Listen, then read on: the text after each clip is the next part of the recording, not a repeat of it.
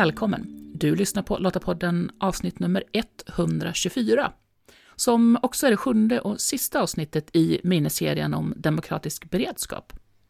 Lottapodden den är producerad av Svenska Lottakåren, en frivillig försvarsorganisation som engagerar och utbildar kvinnor som vill göra skillnad för att stärka samhällets krisberedskap och totalförsvaret. I år firar vi demokratin 100 år och Svenska Lottakåren vill med miniserien Demokratisk beredskap bidra till ökad kunskap och eh, dialog om hur vi tillsammans kan värna och utveckla vår demokrati in i framtiden. Serien är skapad för Lottapodden av mig, Maria Öst, och Edna Eriksson som är journalist, demokratiaktivist och ordförande i MR-stiftelsen. I den här miniserien så har vi tittat på olika pusselbitar i demokratin. Politiken, juridiken, media och oss som medmänniskor. Eftersom det är alla vi som lever i vårt land som på olika sätt har roller i vår demokrati. Den är alla vårt ansvar och ibland kan det också vara bra att ta ett steg tillbaka och se hur demokratin har utvecklats över tid för att hämta kraft att fortsätta utveckla den framåt. Miniserien har för mig och Edna varit en upptäcktsresa och jag hoppas att du har fått med dig kunskap att fortsätta din demokratiska resa. Kanske har samma tankar väckts hos dig som du nu kan höra i samtalet mellan mig och Edna när vi summerar miniserien. Vi eh, har ju nu haft förmånen att i några avsnitt lyssna på flera olika personer som har lyft eh, vikten av demokrati ur väldigt olika aspekter. Jag tänker vad, eh, vi ska ju försöka summera den här miniserien, koppla ihop det med demokratisk beredskap och ge lite tips framåt. Men jag tänker först, vad, vad har du tagit med dig från de här avsnitten? Det jag tagit med mig är ju det som jag tror jag slogs av redan för många år sedan, att jag verkligen behöver förstå hela tiden mer om hur en demokrati fungerar och att eh, få lite kött och blod på det, att förstå juridiken lite bättre, att förstå spelreglerna för en demokrati och vilka principer det handlar om, vilka hot som finns men också hur de här spelreglerna de facto ser ut. En personlig reflektion är ju också att vi är väldigt många som bryr oss om vår demokrati. Från liksom journalistiken till civila samhället, till juridiken, till till oss människor, så vi är så otroligt många som uppbär ett samhälle. Och det är ju allt från talmannen till före detta ordförande i Advokatsamfundet eller Jan Scherman som varit eh, liksom i media i hela sitt liv. Att det här är bara olika röster i den här strukturen som vi alla tillsammans är en del av. Ja, men absolut. Jag håller med dig i det. Jag har eh, funderat väldigt mycket inför den här serien kring men vad, vad vill jag själv få ut av det här? Och mycket handlar ju just, precis som du säger, om kunskap, att få en bättre förståelse för vad kan jag göra då? För demokrati är ett väldigt stort ord eh, och jag, jag, tycker att jag har fått hjälp att bryta ner det mer. Eh, att hitta beståndsbitarna som gör det lättare att liksom ta mig an och, och jag blir nyfiken på att söka mer information. Och så är jag tillbaka i det här som jag alltid tycker är så fantastiskt, som samtalet. Att eh, prata med någon som har erfarenheter eller en annan synvinkel och kunskap och kunna få ta till mig den. Det tycker jag alltid är lika fantastiskt och för mig är det en väldigt stor del av demokratin. Jag håller verkligen med dig Maria och jag tänker också så här att vi glömmer ju många gånger att det lilla vi kan göra som, som människor var och en är just att prata med varandra. Nu får ju du och jag ett samtal och vi har fått samtal med de personer som har varit med i de, den här poddserien på lite olika sätt. Och eh, det behöver inte alltid vara så, så krångligt. Mm. Jag tänker på som när jag pratade med min farfars bror när jag var barn liksom, och, och, han låg inne under andra världskriget. Bara de berättelserna är lika viktiga som historieundervisning som jag fick sen och, och andra dimensioner för att förstå en helhet. Och jag tänker det att i de här tiderna när demokratin är under prövning och vi, vi är där vi är just nu och när vi spelar in det här så är, så är det ju stökigt som 17 i en ny regeringsbildning. Så, och i tider av, av, digitala möten och annat, att vi, vi måste prata med varandra mer om hur vill vi göra samhället tillsammans? Hur vill vi att det ska se ut och hur vill vi att det ska se ut framöver för kommande generationer? Vad är viktigt för oss? Och då är ju verkligen demokratins redskap och form ett sätt att, att göra samhället tillsammans. Det börjar alltid där.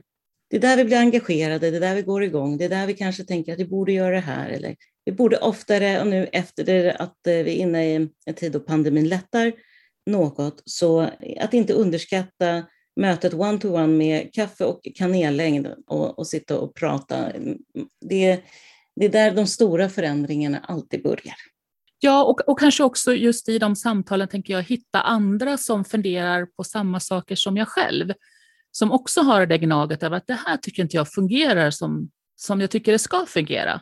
Och kanske då faktiskt tillsammans göra någonting av det, inte bara prata om det, utan faktiskt, ja men vad gör vi då? Skriva en insändare, gå med i en organisation eller starta en egen organisation. Alltså just faktiskt göra någonting för att skapa förändring. Jag tror att du har helt rätt och jag tänker också på de här högtidliga liksom, friheterna som är så otroligt viktiga, som finns i vår egna regeringsform, i en av våra fyra grundlagar. Att, eh, där, där, där står det ju om att vi har yttrandefrihet, att vi har informationsfrihet, att vi får kunna ta emot information och att vi ska kunna ha frihet att mötas genom mötesfrihet, att vi har demonstrationsfrihet, att vi får samla oss och säga vad vi tycker. Vi behöver inte vara lojala någon, att vi har rätt att tro på vad vi vill. Och det är när vi använder de här sakerna på riktigt som, det, som vi gör demokrati, förutom att vi, vi pratar och röstar, för det är lätt att demokrati blir att vi går till, till liksom val, och det gör vi ju om ett år. Men det handlar ju om, precis som du säger, att, eh, att använda mötesfriheten. Vi får sitta fritt och prata om vad vi vill utan att vara oroliga att någonting ska hända eller att någon ska eh, sätta oss i fängelse för det. Eller som Greta Thunberg, att sätta sig utanför riksdagen för att mena någonting och tycka någonting och starta en rörelse med det.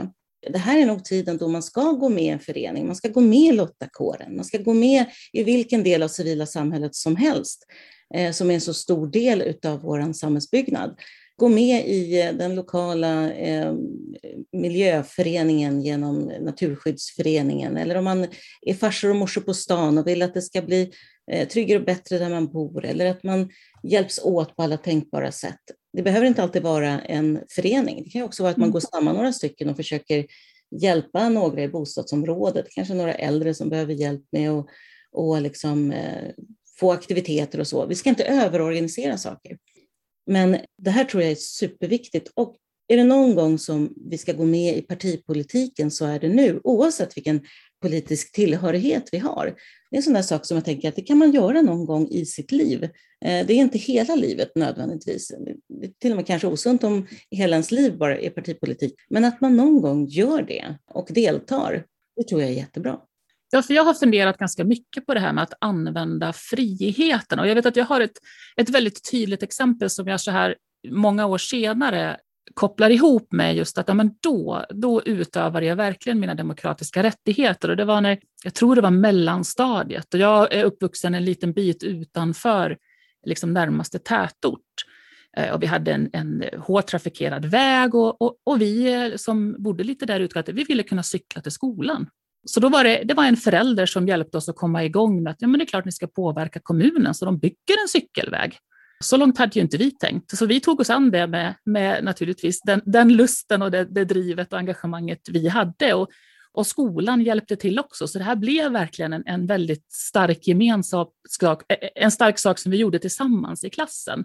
Mm. Eh, vi skrev insändare och vi demonstrerade och, och det blev en cykelväg. Då tänkte jag ju inte på vad jag faktiskt hade gjort och varit med om. Men så här i efterhand kan jag ju se att ja, men här utövade jag mina rättigheter. Och den här gången hade jag också möjligheten att få igenom det. För det, för det kan ju också vara så att alla mina idéer kanske jag inte får igenom. Det är också en del av demokratin. Nej, men det är det som jag tror är viktigt att förstå, att det, det, handlar om att delta. Det handlar om att vara med. Det handlar om att både göra samhälle och att göra samhälle med andra innebär att göra konflikter med andra. Mm.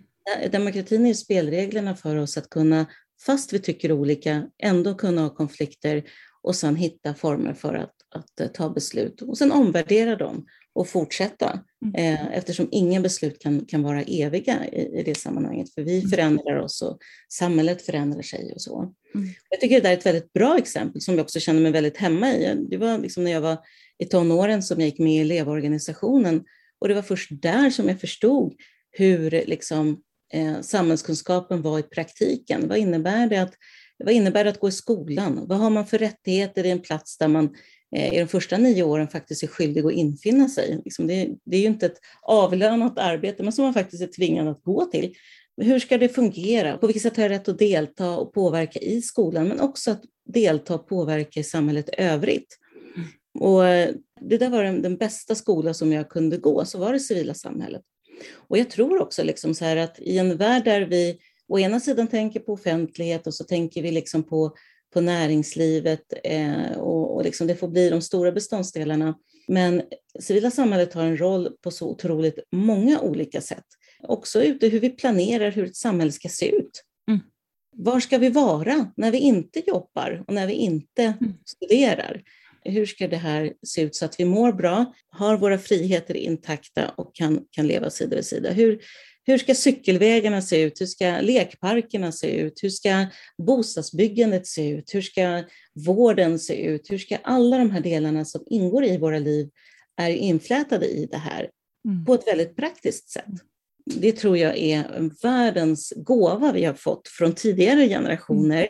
att vi har de här friheterna på plats, men också att det finns otroligt många som är engagerade i så många olika rörelser och sammanhang, så att vi alltid kan hitta till någonting vi brinner för eller hör hemma i, eller också då ha möjligheten att starta någonting nytt som mm. saknas, som inte mm. finns, men som behövs. Ja, och där skulle jag verkligen vilja slå ett slag för att engagera sig som, eh, i en organisation. Ta på sig eh, en styrelsepost eller en funktionärsroll, eller oavsett vad det nu kallas i, i den organisation som, som man väljer. Eh, och vara med och, och, och liksom aktivt påverka och förändra och leda. För det är ju någonting som jag upplever genom alla mina år eh, som engagerad Lotta. Det har gett mig så otroligt mycket och det har gett mig verktyg i arbetslivet också. Mm. Eh, inte bara liksom där i organisationen, utan jag har ju fått testa och öva just det här som, som du säger, att det, det finns spelregler, det finns en stadga. De behöver vi förhålla oss till och vi behöver förhålla oss till varandra. Hur, eh, hur driver vi framåt när vi har olika syn på kanske hur, vad vi ska göra och vad vi ska fokusera på? Det har ju varit en fantastisk eh, resa och, eh, och möjlighet att utvecklas, tycker jag. Och jag tror ju så här, om man tittar till exempel på andra länder som Storbritannien till exempel, där när man eh, sitter i en rekryteringssituation där så måste man redogöra för vad man har jobbat med, vad man har yrkeserfarenheter och också vad man har för utbildning. Men där är det också väldigt viktigt att man fyller i vad, på vilket sätt har man deltagit i samhället? Mm. Vilka föreningar har man varit med i? Vad har man haft för projekt? På vilket sätt har man bidragit? Det är liksom en lika stor del av ett CV och en lika stor del av någonting som man värderar.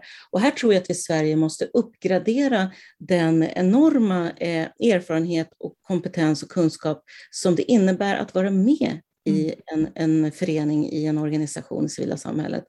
För det ger massor av erfarenheter som är bra för livet, men de ger också viktiga erfarenheter till arbetslivet. Det är ett sätt att vara med andra människor, mm. Eh, att organisera sig, att göra saker tillsammans. Mm. Förra om året, liksom, eftersom jag kommer från en, en talarbransch delvis, då var det så här att var det bara så här jätteskicklig idrottare på något sätt eller liksom hade åkt skidor över Nordpolen, då tänkte man att man per automatik var en jätteduktig ledare. Och det var kanske kul på, på 90-talet och så. Men, men det här handlar faktiskt om att har du varit, är du Lotta eh, i Lottakåren? Eller har du haft arrangerat ett soppkök tillsammans med Stadsmissionen? Eller liksom på, gått, eh, har varit med i Röda Korset liksom, och lärt dig Eh, hjärt och lungräddning eller liksom och, och, hitta olika sätt att kliva in i de här sakerna. Då kanske delvis hitta vad du brinner för både liksom framöver i ditt liv, eh, saker som du kanske skulle vilja jobba mer, eh, mer med eller göra.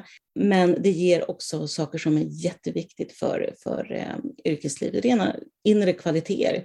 Mm. Jag tycker att vi ska liksom bidra till att eh, uppgradera det, för det, det är där de här högtidliga orden tittar ut. Det är där, hur möts vi med värdighet? Hur säkerställer vi liksom saker som har med mänskliga rättigheter att göra, som handlar om rätten till utbildning, eh, hälsa, eh, rekreation, alla de här sakerna. Jo, men det är ju det som händer i de, mm.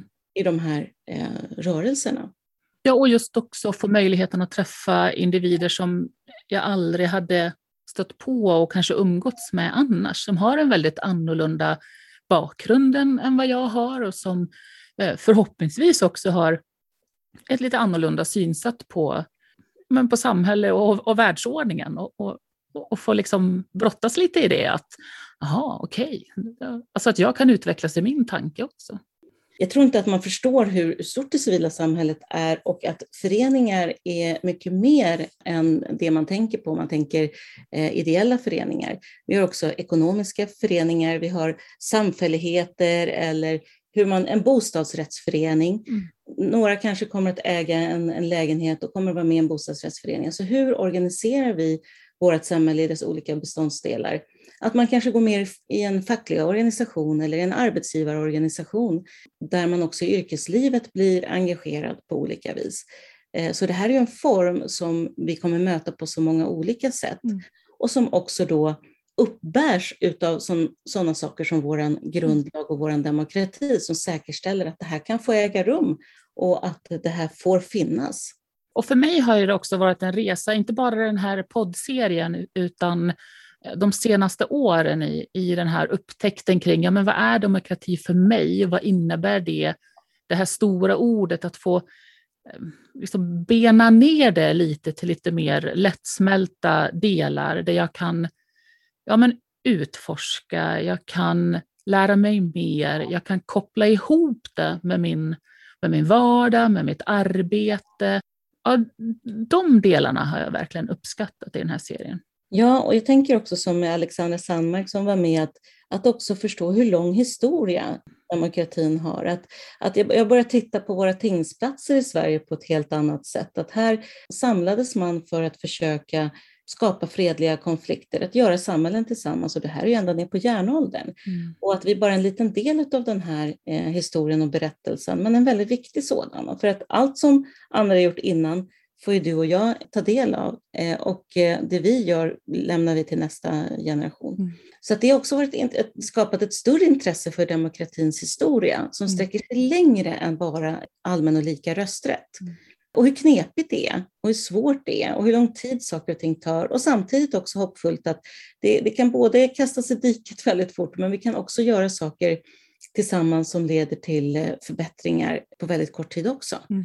Ja, och det fascinerande där tycker jag också var just, just det här med historiebiten att eh, ja, men demokratin har sett annorlunda ut, lite beroende på vad vi, vad vi kallar demokrati, men, men utifrån att människor har kommit tillsammans för att ändå bestämma sig för hur man ska liksom verka tillsammans. Och just utvecklingen i, ja men alla har inte varit med och deltagit. Och jag menar, I år firar vi 100 år av allmän rösträtt i Sverige. Det var inte så länge sedan som som inte alla fick rösta här.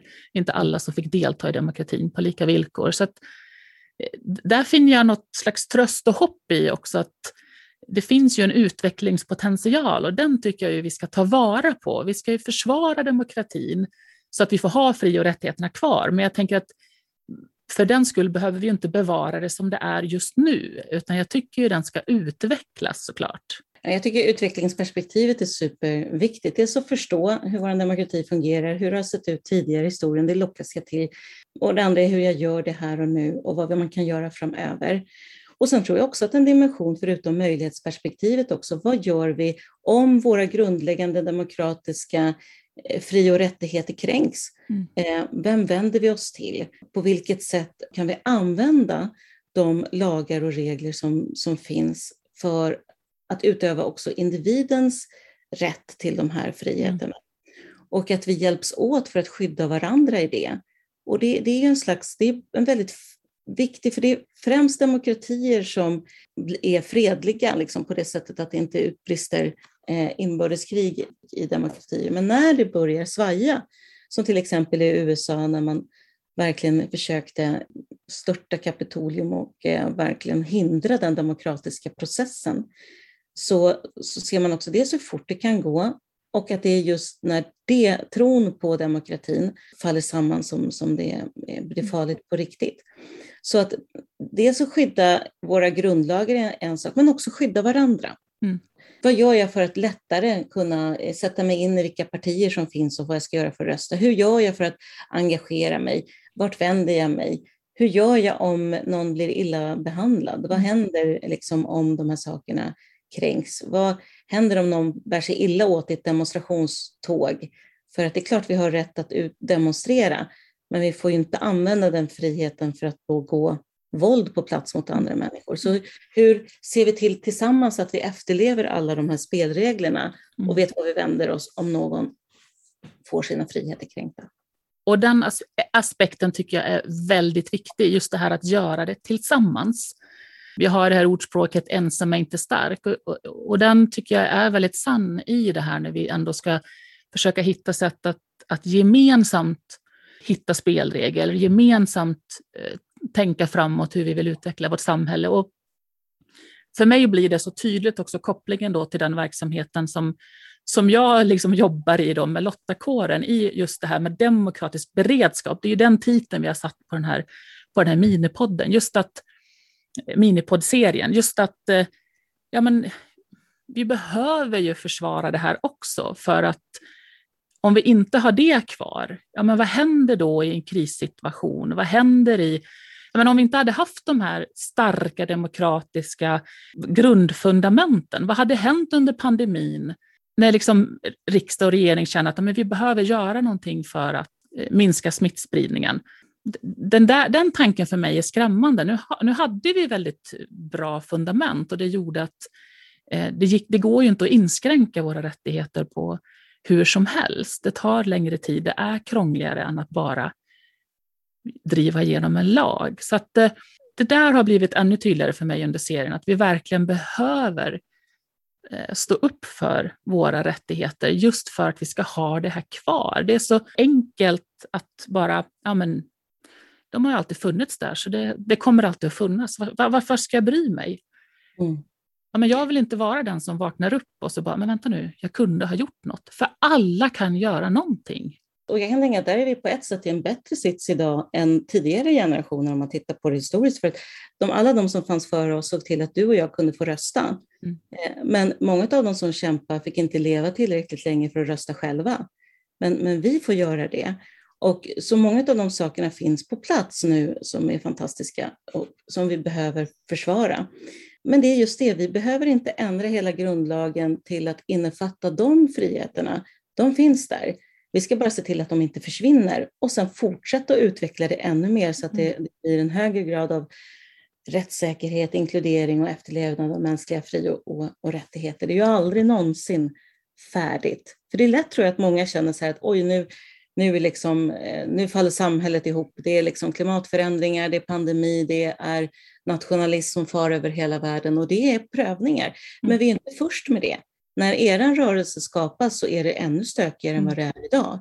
Och ni är lika viktiga då som nu. Och kunde man då göra skillnad genom lottakåren, genom att bli lotta eller genom att gå med i ett parti, en facklig organisation eller en, en, en förening eller starta någon, så kan man det. Och, och du bör göra det nu också. Det, vi är ju på ett sätt starkare nu när vi möter det här. Jag tänker som mm. förra gången, spanska sjukan. Mm. Eh, man tänker så 1900, mellan, jag brukar fantisera om det, som 1900 till 1945, liksom, två världskrig, spanska sjukan, eh, liksom, Eh, jättestökigt i demokratins vagga. Det är också där som rösträttsfrågan börjar dyka upp och eh, de nya demokratierna runt om i världen är, är i modernt snitt väldigt unga. Och klarade man det då, av både liksom demokratisk press, eh, pandemi verkligen och krig, så klarar vi det nu. Så att vi inte heller blir så här, det är kört eller, eller blir rädda eller drar täcket över huvudet. Utan vi är en bättre sits, men vi behövs mm. lika mycket om vi på något sätt då försöker summera den här miniserien så, så tänker jag att ja, men det handlar ju mycket om som sagt skaffa sig kunskap för att kunna engagera sig. Och verkligen en stark rekommendation, engagera dig. Det är, väl, mm. det är väl någonstans det budskapet vi verkligen vill skicka med lyssnarna. Absolut, och att eh, gör det genom att vara med i Lottakåren eller vilken annan organisation eller förening som helst, eller starta en. Och eh, jag, förutom att jag är ideellt engagerad i flera föreningar och sammanhang så jobbar jag ju nu på Folkets hus och parker och eh, som också är en genuin demokratirörelse på det sättet att man inte bara är en rörelse själv utan upplåter lokaler så att andra får ha sin mm. mötesfrihet och att andra kan starta en förening. Det är i våra lokaler man kan eh, låna en tid för att konstituera en ny förening. Och jag hoppas verkligen att, att lyssnarna där ute eh, som vill göra någonting hör av sig till både Lottakåren och ni kan också höra av er till mig för att, och, om det här är frågor som engagerar er på olika mm. sätt. För genom att vara Lotta så gör man skillnad och genom att eh, ta del av det här samhället på olika sätt så gör man det. Och ju fler desto bättre. För det, jag tror att det, det man kanske ska sluta med lite grann, som, eller sluta tanke hos mig i alla fall, att demokrati är inte eh, liksom ett, eh, ett substantiv. Liksom man kan prata om en demokrati. Utan för mig är demokrati ett verb, det är någonting vi gör. Och eh, vi måste göra mer demokrati tillsammans. När du nu har lyssnat på alla sju delarna i miniserien, vad tar du med dig? Hur står det till med din demokratiska beredskap? Du får gärna höra av dig och dela med dig av dina tankar till oss. Eller varför inte ta ett samtal med någon i din närhet och prata demokrati? Jag och Edna hoppas såklart att du har blivit inspirerad av att engagera dig. För allas vår vardag den påverkas av de beslut som fattas i vårt samhälle, oavsett om det är på riksdagsnivå, i ditt grannskap eller i familjen. Och enda sättet att påverka, det är att vara delaktig. För dig kanske det börjar med ett engagemang i elevrådet i skolan, i dina barns idrottslag, eller i Svenska Lottakåren som för mig. Bara att du blir medlem visar ju på att du lägger din röst bakom något.